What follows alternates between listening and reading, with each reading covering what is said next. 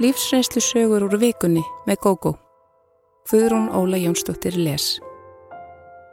Lífsreynslu sögur vikunar er í bóði úldraktiv magnésiumtablana.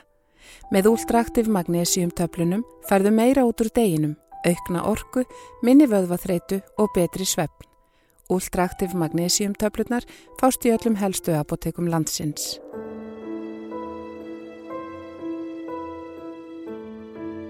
Illt er að leggja ást við þá sem enga kunna á móti. Frá því að ég var barn hefur mér fundist sjálfsagt að ég myndi gifta mig og eignast börn. Ég fann líka að allir aðrir gerður áðfyrir þessu. Mamma talaði stundum um ömmubörnin sem hún ætti vona á í framtíðinni við okkur sísturnar og það áður en við verðum kynþróska. Útaf fyrir sig er þetta auðvitað eðlilegt því einst inni langar flesta að eignast góðan maka og falleg börn. Átjón ára fór ég svo að vera með strák og eftir tvö ár trúlofuðum við okkur. Við byggum saman og vorum farin að tala um brúðköp og börn þegar áfallir eið yfir. Vinkona mín kom til mín dag nokkur og sagði mér að kærasti mín væri farin að vera með annari. Þetta var mikið sjokk og mér fannst hvortvekja að mér hefði verið hafnað og að mér hefði mistekist eitthvað. Hins vegar var mér alveg sama hvernig ég velti þessu fyrir mér. Ég gati ekki fundið svo óeikjandi væri í hverju mistökin lágu eða hvers vegna ég var svo ómöguleg að nýja konan var tekin fram yfir mig. Þrátt fyrir réttinda baróttu hvenna sem nú hefur staðið í heila öld og mjög breytt siðferðisviðhorf, virðast konur yðurlega dæmdar fyrst og fremst út frá því hvort einhver karlmaður sé í lífið þeirra og þá hver hann er. Ég stopnaði til þó nokkur að sambanda eftir þetta sem endust mist lengi. Lengst var ég með manni í fjögur ára en við byggum aldrei saman. Sambandi var mest á hans forsendum en með því á ég við að hann ringdi í mig þegar hann vildi að við hittumst eða hann byrtist óvænt. Ef ég hugðist gælda líkulíkt var hann yðurlega full og tók illa á móti mér svo ég vandist við fljótt að býða eftir að hann leti sér heyra. Vinkona mín sem er ákaflega vel gift átti það til að vara mig við þessu og segja mér að þetta væri vísasti vegurinn til þess að fá enn eitt hjartasárið. Ég vildi ekki hlusta á hana og taldi eins og svo margar aðrar að einhver daginn myndi auguð hans opnast fyrir því hversu dýrmætt ást mín væri og hversu mikilvægur hluti af lífi hans ég væri. Það varð aldrei og eftir að ég áttaði mig á því að ég var ekki svo eina sem beigð eftir símtölum hans gafst ég upp. Í þetta sinn tók það mig marga mánuði að komast yfir sorgina. Það eru svo margir draumar sem aður þarf að grafa þegar samband slittnar Mér var það nokkur huggun harmi gegnað og meðan engalífi gekk illa gekk mér allt í hægin í vinnunni. Eftir að slítnaði upp úr trúlofun minni fór ég háskóla og laug námi sem gefur starfsettindi. Ég fekk fljótlega vinnu við mitt fag og síðan tvisasunum stöðuhækkanir með stuttu millibili. Á fagráðstefnu hitti ég svo mannin minn. Hann var eins og ég vel metin á sínu sviði, greindur, skemmtilegur og ótrúlega myndarlegur. Mér fannst ég að hafa heiminn höndum tekið þegar þessi maður fór að veita mér aðtikli. Samband okkar þróaðist hratt og við fórum að búa saman fljóðlega eftir að við kynntumst. Hann langaði mikið til að stopna fjölskyldu og við eignuðumst tvö börn á tæpum tveimur árum. Við vorum ákaflega hamingjusum og ánæð og mér fannst að loks hefði ég uppskorið eins og til var sáð eftir alla erfileikana sem voruð að baki. Þegar maðurinn minn yfirgaf mér svo eftir 27 ára hjónaband hrundi veröldin. Ég lagðist í þunglindi og hef þurft að leita mér hjálpar vegna þess. Hvernig sem ég reyndi, losnaði ég ekki við þá tilfinningu að ég væri misefnuð og að á einhvern hátt væri það mér að kenna hvernig fór. Það vantaði ekki að margir sögðu mér að fáranlegt væri að hugsa svona, en tilfinningar lúta ekki alltaf lögmálum skynseminar. Ég veit að ég er ekki einum að hugsa eitthvað á þessa leið. Konum finnst þar almennt ábyrgar fyrir því að hjónabandi gangi hnökra laust, en það ítir samfélagið undir þá tilfinningu.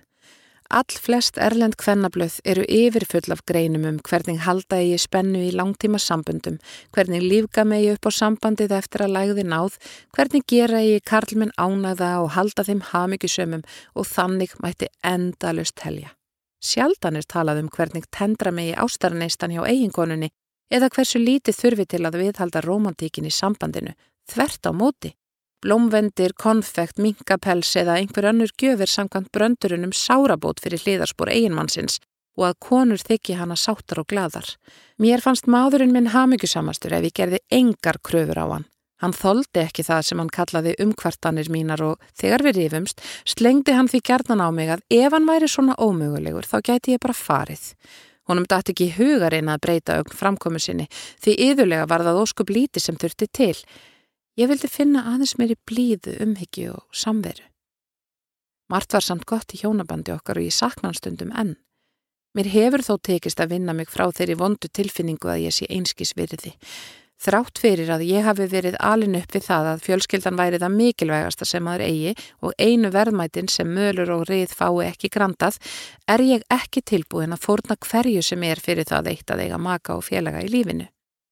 Nú er ég búin að vera eini tvö ár og kann vel við sjálfstæðið. Ég get gert það sem ég langar til og þarf ekki lengur að taka tillit til mann sem hefur hugsanlega gert einhverjar allt aðrar áallanir en ég um hvert skuli haldið í sumafríinu eða hvernig sófa ég að kaupa. Vissulega hugsa ég stundum um að gaman væri að hitta einhvern sem myndir reynast með góður félagi.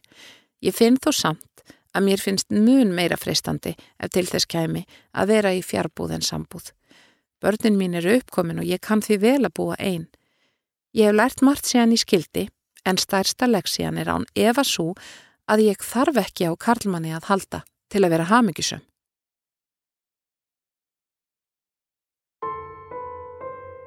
Hann bánkaði á gluggan minn. Þegar ég hitti Sigga var hann efnilegur íþróttamaður og á uppleið á vinnustæðnum sínum. Hann var skemmtilegur ákveðin og þægilegur í umgengni. Mér hefði aldrei dottið í hug að hlutinri getur snúist algerlega við á einstutum tíma og raunin varð. Á endanum fannst mér ég ekki eiga annars úrkosti en að skilja en svo ákverðin kostaði mig bestu vinkonu mína þegar maðurinn hennar bankaði á gluggan hjá mér. Við Siggi giftum okkur á fallegum vordegi og höfðum þá nýlega fest kaupa og íbúði drauma hverfinu okkar. Þetta var indislegur dagur og mér fannst ég hefnasta kona í heimi. Þremur árum setna fannst mér ég á hinbógin svo ógefur samasta.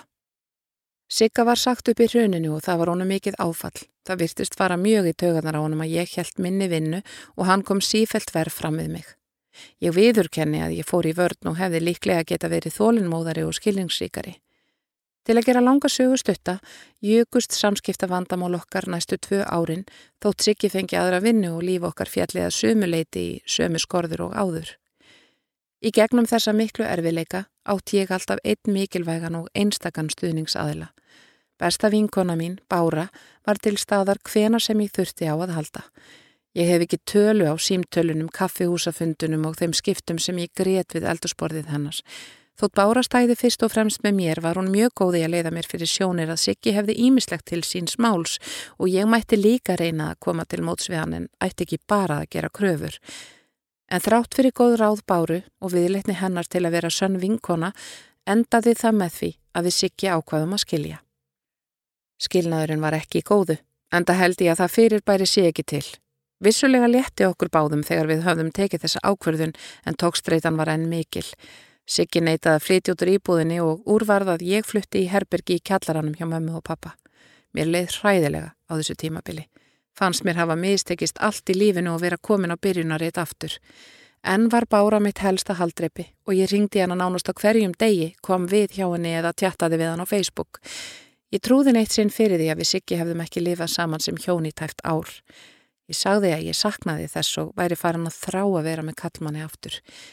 Í aðra röndina var ég að grínast við það var í rauninni það sem ég vildi síst af öllum. Ég er hrausagt að segja hugur við að líta á annan mann en sigga og fannst ömurlegt að vera einleip aftur. Mér dætt aldrei í huga þessi orð mín við eldursporðið hjá báru myndi fara lengra. Seinta kvöldi var bankað á kjallaraglugan minn. Ég var hálf sofandi en dætt í huga að mamma hefði glemt húsleiklunum sínum því ég viss hún var í saumaklubb. Ég dreif mig þess vegna á fætur og kíkti út. Fyrir utan stóð ekki mamma heldur Benni, maður báru. Ég var steinhissa og fór því fram og opnaði þvottáustyrnar fyrir hann. Hann flissaði eins og astni þegar ég opnaði og ég sá hann var svo litið í því. Ég spurði auðvitað strax hvort að væri allt í lægi með báru og hvers vegna hann væri komin. Hann vildi engu svara til að byrja með en þegar við komum inn í herbergi mitt gerði hann mér erindið fulljóst. Hann sagðist vera komin til að bjóða mér þjónustu. Ég hefði sagt konunni hans að ég hefði verið svelt ansi lengi og hann væri alveg tilbúin til að hjálpa mér. Ég var svo hissa, ég átti ekki orð. Ég starði bara á þennan rólega mann sem ég hefði alltaf talið að væri svo ástfangina vinkonu minni að hann sæi enga aðra en hana. Nú stóðan þarna og bauð mér kynlíf. Svo áttaði ég mig á að Bára hafði sagt honum allt sem ég hafði sagt henni og ég brjálaðist af reyði. Ég heldi mér yfir hann. Sagð honum að þótt ég hefði átt í erfileikum í hjónabandinu þýtti það ekki að ég hefði áhuga á hvaða manni sem væri og síst af öllu eigin manni bestu vinkonu minnars. Mér finnist líka óskiljanlegt að hann væri mættur á klukkan hjá mér um miðja nótt þegar hann ætti indislega konu og börn heima. Hann maldaði eitthvað í móin en var fljótur að sjá að hann kemist ekki lengra með mig svo hann drattaðist út. Í dyrunum sneri hann sig við og saði Þú segi báru ekki neitt, það yrði bara til að særa hana. Þegar ég lokaði dyrunum fannst mér einmitt það sama. Ég vildi síðast af öllu eðilega hjónaband vinkonum minnar þegar ég var sjálfa ganga í gegnum sásugan og sorgina sem fylgdi skilnaði. Næstu dagar voru því ofbóðslega erfiðir. Bára ringdi auðvitað eins og venjulega og ég var það láta sem ekkert væri og það var ömurlegt. Ég held að Bára hafi skinnjað að eitthvað var öðruvís en venjulega því hún spurði mig aftur og aftur hvort allt væri í lægi. Ég svaraði að ég hefði það eins gott og mögulegt væri með að við aðstæður í hvert sinn og hún virtist taka það gott og gilt. Mér leið hins vegar stöðugt verð. Ég þarnaðist vingunum minnar en þetta ömurlega leindarmál stóð á milli okkar eins og veggur. Mér fannst ég hafa sveikið hana þótt ég hefði svo sannarlega ekki gert neitt. Ég var því farin að forðast báru og auðvitað skinnjaði hún að eitthvað mikið var að. Dag nokkur kom hún því til mín þegar hún hafði sótt yngra barnið á leikskólan og saðist vilja vita hvað gengi á. Hún spurði hvort Siggi hefði beitt mig ofbeldi og sagði að ég ætti ekki að leina því ef svo væri. Ég ætlaði ekki að segja neitt, en ég gati ekki logið að þessari frábæri mannesku. Ég brotnaði niður og fór að gráta. Þegar ég gæti talað stundi ég upp. Hann bankaði á gluggan minn. Hver bankaði á klukkaðinn? spurði Bára. Benni, svaraði ég hágrátandi. Bára sagði ekkert fleira, spurði einskis. Hún reif barnið upp af gólfinu þar sem það var að leika sér og stormaði út. Ég hljópa á eftir henni, kallaði á eftir henni að ekkert hefði gerst, að ég hefði séð til þess, en hún hlustaði ekki á mig, leiti ekki einu svoni við. Mér leið hræðilega á eftir og marg reyndi að ringja í Báru. Hún svaraði ekki símtölum frá mér og ég skrifaði henni þessi stað langt bref á Facebook. Þar sagði ég að Benny hafi verið fullur og ábyggilega ekki meint neitt með þessu að ég hefði rekið hann út og mér þætti þetta ömurlegt. Svo sagði ég henni hversu vænt mér þættum hann og hversu dýrmætt vináta hennar væri, að ég vildi gera hvað sem væri til að halda henni. Bára svaraði yngu og daginn eftir sá ég að hún hafi blokkerað mig á Facebook. Ég ágaði að gefa henni smá tíma til að jafna sig því sísta völlu vildi ég missa vinkonu mína, en tíminn leið og Bára hafði ekki samband við mig. Ég reyndi nokkrum sinnum að ringja og sendi henni skilabóð gegnum samiðilega vini en hún svaraði mér aldrei. Það var eins og ég hefði verið svo sem áttu upptökin að þessu andstikilega máli. Ég get vel skilið að Bára hafi orðið sárið við hegðun eiginmann síns og enga konu langar að heyra að maðurinnar hafi heimsótt bestu vinkonu hennar um nótt í þeim tilgangi að sofa hjá henni en ég raka nút. Hann bankaði á glukkan minn, ekki öfugt. Nú eru liðnir átjón mánuðir síðan þetta gerðist og ég veit að ég hef mist vinóttu báru. Ég sé mikið eftir henn og þykir enn jafnvænt um hana. Hún býr enn með benna sínum og ég fretti stundum af henni gegnum vinkonur. Þar segja að hún þagni æfinlega þegar nafn mitt er nefnt og beini talinu að öðru. Bára talar í gillu mig, til þess er hún á vönduð, en ég segi heldur engum hvað var til þess að við slitum vinskap. Ég hef sagt æskuvinkunu okkar að þetta tengi skilnaði mínum, en annað veit fólk ekki. Sjálf er ég að jafna mig og byggja upp líf án sigga. Við erum farin að geta tala saman og höfum geta gengið frá skilnaðinum í sæmilegri sátt. Til allra lukku áttu við ekki börn en nóg annað hefur þurft að rífast um. Mikið sakna ég bárum minnar og ég vildi óskaði hugsanagangur kallmanna var í líkari okkar kvenna.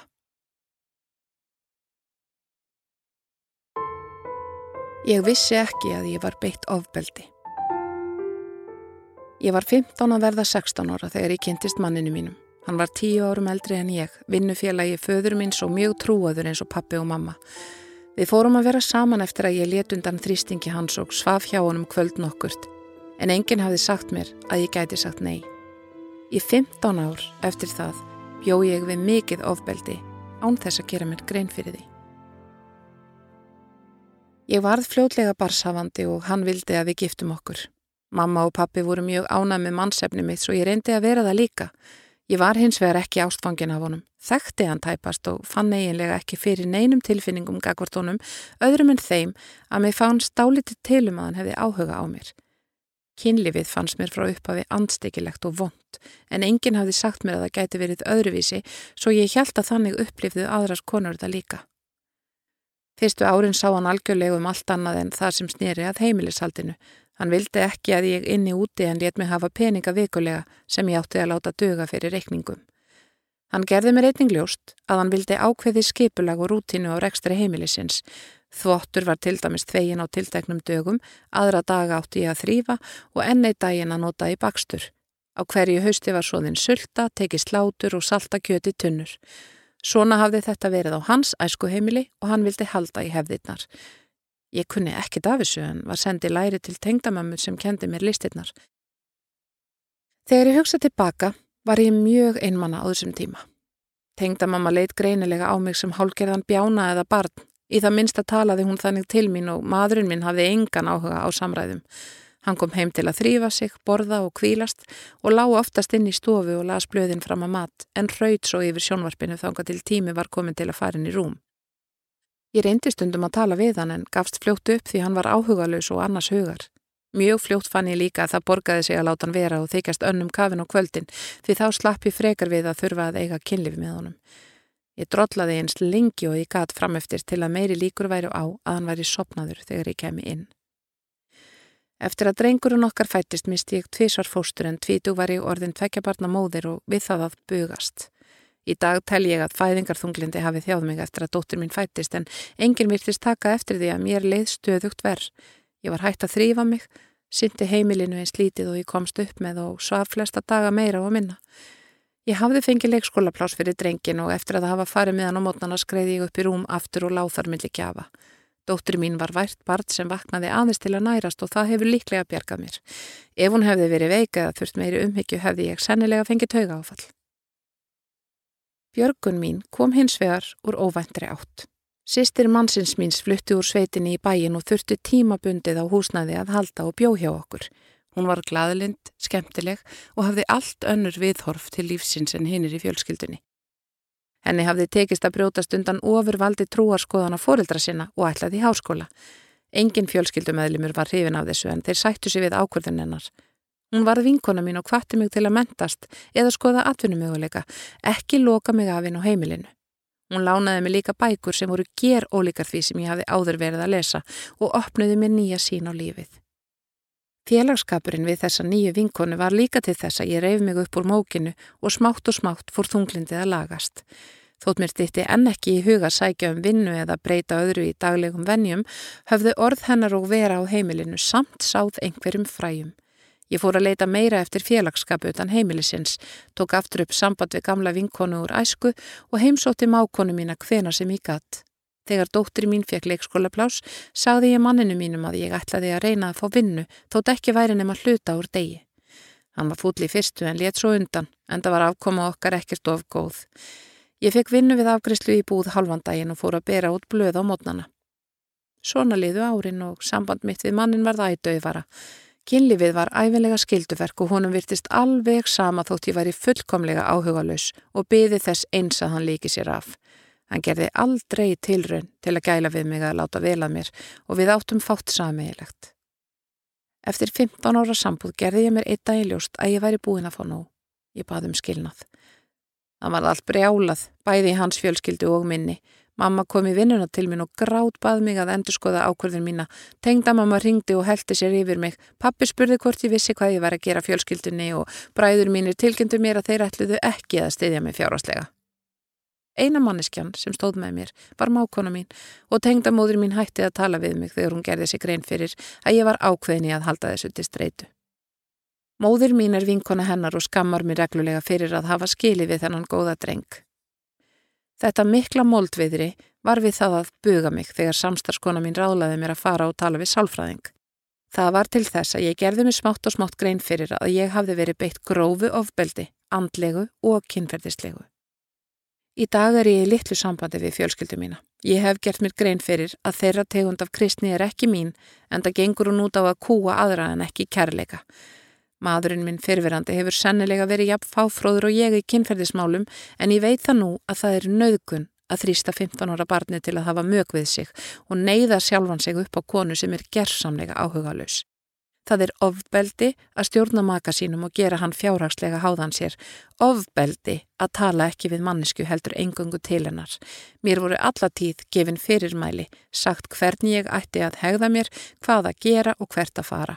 Vilji minn var aldrei virtur og ég fekk ekkert tækifæri til að þroskast og dafna. Nú er ég hins vegar að reyna að kynnast sjálfri mér með hjálp fagfólks og þroska með mér sjálfstæðan vilja. Ég á tvö börn og ætla að reyna að menta mig eitthvað til að geta skapað okkur betra líf. Í dag veit ég aðeins eitt fyrir víst og það er að ég mun aldrei aftur láta aðra stjórna mér og aldrei framar vera í sambandi við mann sem ég elska ekki. Barnanýðingur í hári stöðu Þegar ég var 17 ára fekk ég vinnu á sveitahóteli. Þetta var í fyrsta skipti sem ég fór að heiman einn og ég var mjög spennt. Vinkona mín hafði fengið vinnu á herstabúkarði í nágrenninu og við ætluðum að skemta okkur vel þetta sömar og það gekk sannlega eftir að undanskildu einu ljótu atviki.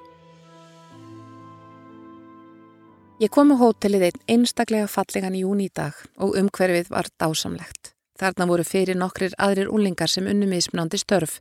Við vorum á aldrinum 14 til 19 ára, sum úr sveitinni, en þau fóru heim á kvöldin og komu til vinnu á mótnana.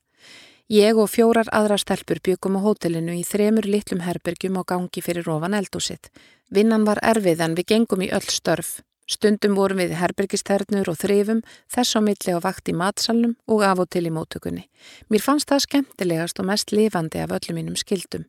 Þar fekk ég tækifæri til að æfa mig í ennsku og halda við dönskunni sem ég talaði ágætlega eftir að það hafa búið í Danmörku um tíma þegar ég var bann. Við urðum fljótlega öll góðir vinir og reyndum að hjálpa stað eins og við mögulega gátum. Hótelstýran var ströng en réttlátt og góð kona. Einn stúlkan sem bjóða á hótelinu var aðeins 14 ára, reyndar á 15 ári en átt ekki afmæli fyrir hennum haustið. Við hinar töldum okkur mun fullornari og pössuðum vel upp á hana.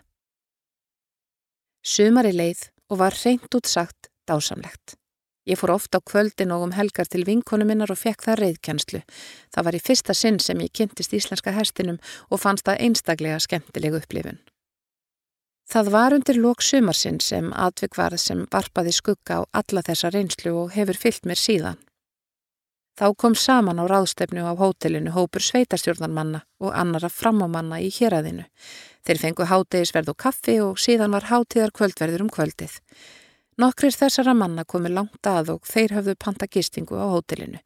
Ég og þrjár aðrar vorum á vakt í matsalnum. Þar á meðal var Anna, tvítug, einstök og dögleg stelpa sem ég let mjög upp til. Fjóla, svo sem var aðeins 14 ára, var í mótökunni og átti um kvöldið að hjálpa kokkunum að ganga frá. Ég var skotin í aðstóða koknum nonna en hann var á svipuðum aldrei og ég og bjóði sveitinni. Kvöldi leið og þessir fínu menn urðu flestir leiðinlega drauknir. Þetta var í fyrsta skipti sem ég sá svona hegðun hjá mönnum sem ég hafi verið kent að bera virðingu fyrir. Heima hjá mér var stundum haft vínum hönd en aldrei þannig að illa færi. Ég hafði orðið vitnið að partíum hjá pappa og mömmu þar sem fólk söng og talaði hátt en allir voru gladur og kátir. Þetta voru yfirvöld og embættismenn og sömur urðu mjög grófir í tali við mig og önnu. Einn var sönnu verstur. Það var ungur maður í samanbörði við hina þótt okkur fyndist hann eldgamall. Hann reyndi hvað eftir annað að káfa á okkur og króaði önnu einu sinni af við eldustyrnar og reyndi að kissa hana. Okkur tókst með mikilli ákveðni að losna við hann en undir lokkvöldsins kom hótelstýran og rakkarlana í rúmið. Hún benti þeim á að við byðum eftir að geta gengið frá salnum áður en við færum í rúmið og yrðum að vakna snemma daginn eftir til að fara að vinna. Þá dröttuðus karlanir upp og við kláruðum að ganga frá. Þegar við komum fram í eldús var fjóla þar að hjálpa nonna að klára uppvaskið. Ég saði hann að fara að sofa og ég skildi taka við. Hún var fegin að sleppa en dorðin döð þreytt eftir langa vakt. Hína stelpunar tóku til hendin í eldúsinu líka og við vorum fljóta ljúka því sem eftir var. Nonni náði í bjórhand okkur öllum og við sátum svo litla stund, drukkum og spjalluðum og hlóum. Klukkan var langt gengin í tvö þegar Anna stóð á fætur og sagði að við skilum drífa okkur upp. Við tvær vorum aðeins fljótari af staðin hinar tvær. Þegar við komum upp stegan, heyrðum við eitt hvert skríti hljóð. Anna stoppaði og saði við mig, byttu, við skulum hlusta. Við gerðum það og þarna kom það aftur eins og hálf kæft kjökurhljóð. Þetta kemur úr herbyggin ennar fjólu, saði Anna á hljópafstað. Hún reyfi hurðarhúnin en dyrnar voru læstar. Hún byrjaði að banka á hurðina og öskra og nonni kom hlaupandi upp. Hann sparkaði upp hurðinni og þá blasti við okkur ömurleg sjón. Ungi maðurinn sem hafði verið hvað grófastur við okkur önnu um kvöldi lág ofan á fjólu. Hann var hálfnakin og hún útgrátin og gerðsamlega miður sín. Anna ætti inn í herbyggið, reyfan ofan af henni og öskraði á hans výverðingar. Hann stóð upp og rausaði eitthvað um læti og vittlisu. Hann reyndi líka að halda því fram að fjóla hefði bóðið honum inn og hann ekki gert neitt sem hún hefði ekki viljað. Við rákum hann út og kalluðum hann öllum yllum nöfnum. Hann flúði fljótt af hólmi, tautandi um yfirgang og frekju. Anna tók fjólu í fangið og huggaði hana. Fjóla sagði okkur að hann hefði komið og bankað hjá henni. Spurt hana hvort hann mætti ekki koma inn og setjast hjá henni. Hún hafði ekki kunna við að segja nei en hann var valla fyrrkomin inn en hann fór að reyna að fá hana til við sig. Hún kærði sig ekkert um hann og ítt honum frá sér lengi vel og bað hann að fara. Hann varð alltaf aðgangsharðari, var með vodkaflösku og reyndi að fá hana til að drekka með sér. Hún þver neytaði því og saðist ætla að fara og sækja mig sem var miðin í herbergi. Þá læst hann dyr honum. Þegar við komum var hann komin upp í rúmið hennar, búin að klæða sig úr skýrtunni og hafði reynd allt hvað hann gað til að komin úr bollnum líka. Hann hafði káfað á bróstunum á hann og reynd að kissa hana hvað eftir annað. Hún var orðin mjög hrætt og fær hann að gráta þegar við komum upp stígan. Ég veit ekki af hverju við heyrðum í henni því hún þorði ekki að öskra en við gerðum það nú samt. Anna var svo reið að hún titraði af vonsku. Hún vildi að við kerðum en fjóla grátbað okkur um að gera það ekki. Hún þorði ekki að fara til lauruglunar og saðist bara vilja gleima þessu. Við vorum einfallega of ung til að höndla svona atvik þannig að við ákvaðum í saminningu að þeia. Hótelstýran fekk við aldrei að frétta hvað hefði gerst um nótina. Næstu daga og eftir gerðum við allt hvað við gátum til að stiðja fjólu en auðvitað hefðum við átt að tala við einhverja fullortna og fá viðegandi hjálp.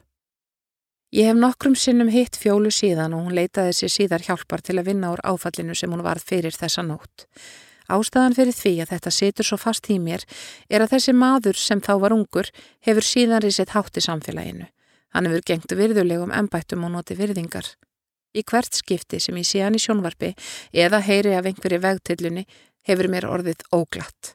Ég hef einnig heyrt af honum fleiri ljótar sögur og svo virðist sem hann beri litla virðingu fyrir konum og að unlingstúlkur séu enni hættu þar sem hann er annars vegar. Ég lærði þó af þessu þá leksíu að þeir sem klifra hátt upp metorðastegan eru ekki endilega góðir menn eða hæfileikaríkir. Ég hef passað mig á því síðan að taka engu sem gefnu og ber ekki virðingu fyrir öðrum en þeim sem hafa áunnið sér hana í mínum augum. Amma kom fyrir mig vitinu. Mörgum árum eftir skilnað fóreldra minna áttaði ég mig á því að mömmu hafði nánast tekist að eidilega samband mitt við pappa. Ég var fimm ára þegar fóreldrar mínu skildu. Þau voru mjög ólíka á allan hátt. Ég skil eiginlega ekki hvernig þau náðu saman á sínum tíma. Mamma fór að læra hjúgrunn þegar ég var tvekkjára og hefur allatíð unnið við það. Pappi er mikill bíladellukall og allatíð, fyrir utan okkur árút á sjó, hefur hann unnið á hinnum ímsu verkstæðum. Hann er listamaður á sínu sviði og hefur gert upp marga bíla og þótt hann sé ekki lærður bifílavirki er hann eftirsóttur starfsmaður. Mamma vildi að hann mentaði sig og þau rifust mikið um það. Síðar kom í ljós að pappi er lesblindur og það hafði mikið dreyið úr honum því hann held að hann væri of heimskur til að geta lært. Eftir um það byrj tvö ár kynntist mamma góðumanni sem hún giftist. Hann var og er frábær og þótt ég kallaði hann ekki pappa var hann mér eins og besti fadir. Þau mamma eignuðust saman þrjú börn á næstu árum. Pappi fór á sjóin eftir skilnaðin og var sjómaður í tvö eða þrjú ár. Engin samningur var gerður um umgengni en líklega var þögult samkominnlagum að hann hitti mig þegar hann gæti. Hann bjó hjá foreldrum sínum út á landi og meðan hann sapnaði sér fyrir eigin íbúð og sótti sjóin þaðan. Pappi böð mér stöku sinnum í bíltúr þegar hann kom í land og ég mana mér þótti mjög gaman að hitta hann. Það kom einhvern veginn aldrei til greina að ég gisti hjá honum. Þegar pappi var síðan fluttur í eigin íbúð í Reykjavík var engin hefð fyrir að ég gisti og þarfyrir utan langaði mikið til þess. Mamma var alltaf leiðinleg við pappa þegar hann ringdi. Svo tautaði hún eitthvað eins og hún vorkendi mér að þurfa að hitta hann. Pappiðin hafði samband, nennur að hitta hann á þriðu daginn eftir skóla. Spurði hún kannski ef ég var ekki heima þegar hann ringdi. Svo er ég vissum að ég hef ekki fengið að vita af öllum skiptunum sem hann ringdi. Þetta síjaðist inn og smám saman dróur tillökun minni að vera með pappa. Stundum saðist ég frekar vilja leika mér við vinkonutar en fara í bíltúr með honum og ég held að það hafi glatt mömmu. Þótt mamma segði aldrei beint við mig að pappi væri astni eða aumingi, fann ég alltaf vel fyrir pyrringi og fyrirlitningu hennar í hans garð. Ég mannaði amma, mamma hennar, saði stundum, láttu barnið ekki heyra til þín ef hún var viðstött og heyrði eitthvað. Á úlingsárunum var pappi í mínum huga einhver maður sem átti að heita pappi minn en átti það valla skilið. Mér þótti væntum hann og vissan hátt en vildi samt sem minnst af honum vita. Hann bjóð mig konu sem átti tvö börn fyrir og saman eignuðust þau tvö í viðbútt.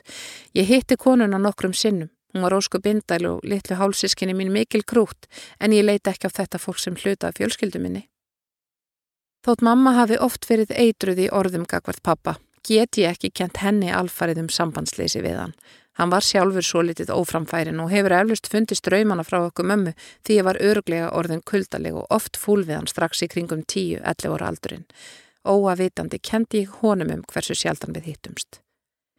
Ég var orðin 17 ára þegar ég vaknaði loks til vitundar um þann ljóta leik sem mamma hafði leikið. Mamma og stjúpuminn hafði gefið mér gamlan en góðan bíl sem skemmti stilla nokkru mánuðum setna þegar ég lendi í áreikstri. Ökumadurinn sem kom á móti mér var annars hugar, eflusti símanum og bíl hans rásaði yfir á minn vegarhelming.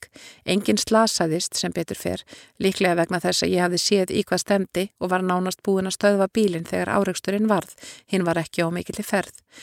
Pappi fréttaði svo ringdi mig. Hann fullvissaði sig um að allt væri lægi hjá mér og bauðst til að lána mér ágætan bíl sem ég mætti hafa eins lengi og ég vildi. Ég þáði það og þegar ég saði mammi frá því grett hún sig og saði á nú að fara að smjadra fyrir þér.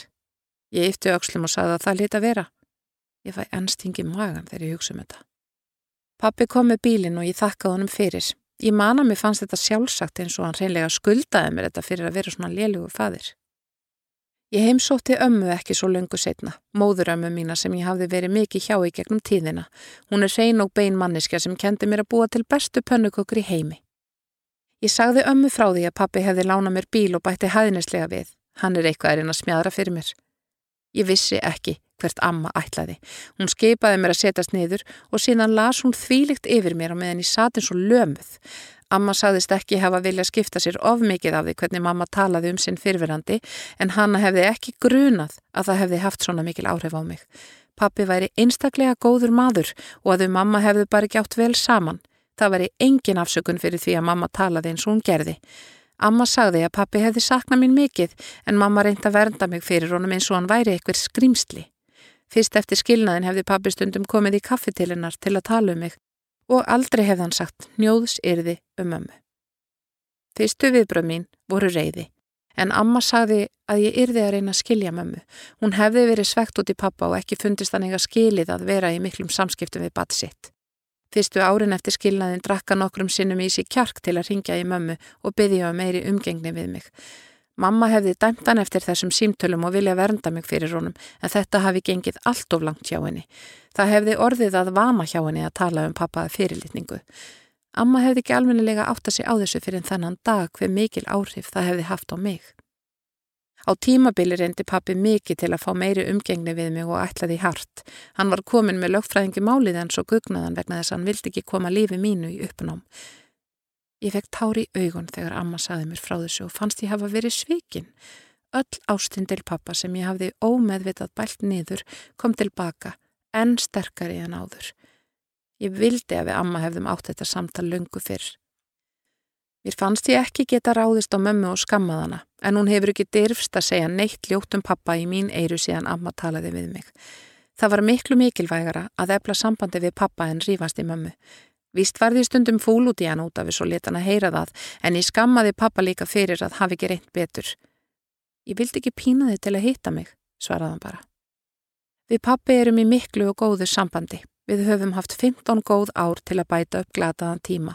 Á meðan amma lifði myndi ég hana reglulega á að það væri henni að þakka hvað allt hefði breyst til góðs. Hún glattist mikið yfir þessu en mamma virðist ekki sérlega sátt. Álit hennar og pappa hefur lítið breyst. Ég gifti mig og eignaðist tvo stráka með manninu mínum. Við skildum en höfum drengjana vegna reynda að halda samkomiðlæginu góðu þótt við séum ekki alltaf sátt hvort við annað. Hann held fram hjá mér og ég man að ég var svo reið að mér fannst hann ekki eiga skilið að umganga strengina okkar en svo hugsun stóð þó ekki lengi. Strákarnir búa hjá mér en hitta pappa sinn oft og mikið. Þeir dýrkan og dá og ég mun aldrei segja neitt til að skemma það. Ég get ekki skilið hvað mamma gekk til á sínum tíma að koma í vekk fyrir að við pappi ættum góð samskipti. Hún í mikla vörn ef ég reynið að ræða það við hana. Ég held að verndarkvöt hafi fyrst og fremst ráði ferðinni hjá henni en öruglega vottur af eigingirni og hemdarlöngun, líka á hviði þróskaleysi. Ég get ekki erft þetta við hana. Hún þjáist því snó yfir því að þurfa að vera í sömu barnaðamölum og pappi og að vita hversu gott hún ái sambandi á við hann. Þú varst að hlusta á lífsreynslusögur úr vikunni með GóGó í lestri Guðrúnar Óli Jónsdóttur og framleiðslu Storysight árið 2020. Höfundaréttur Vikan.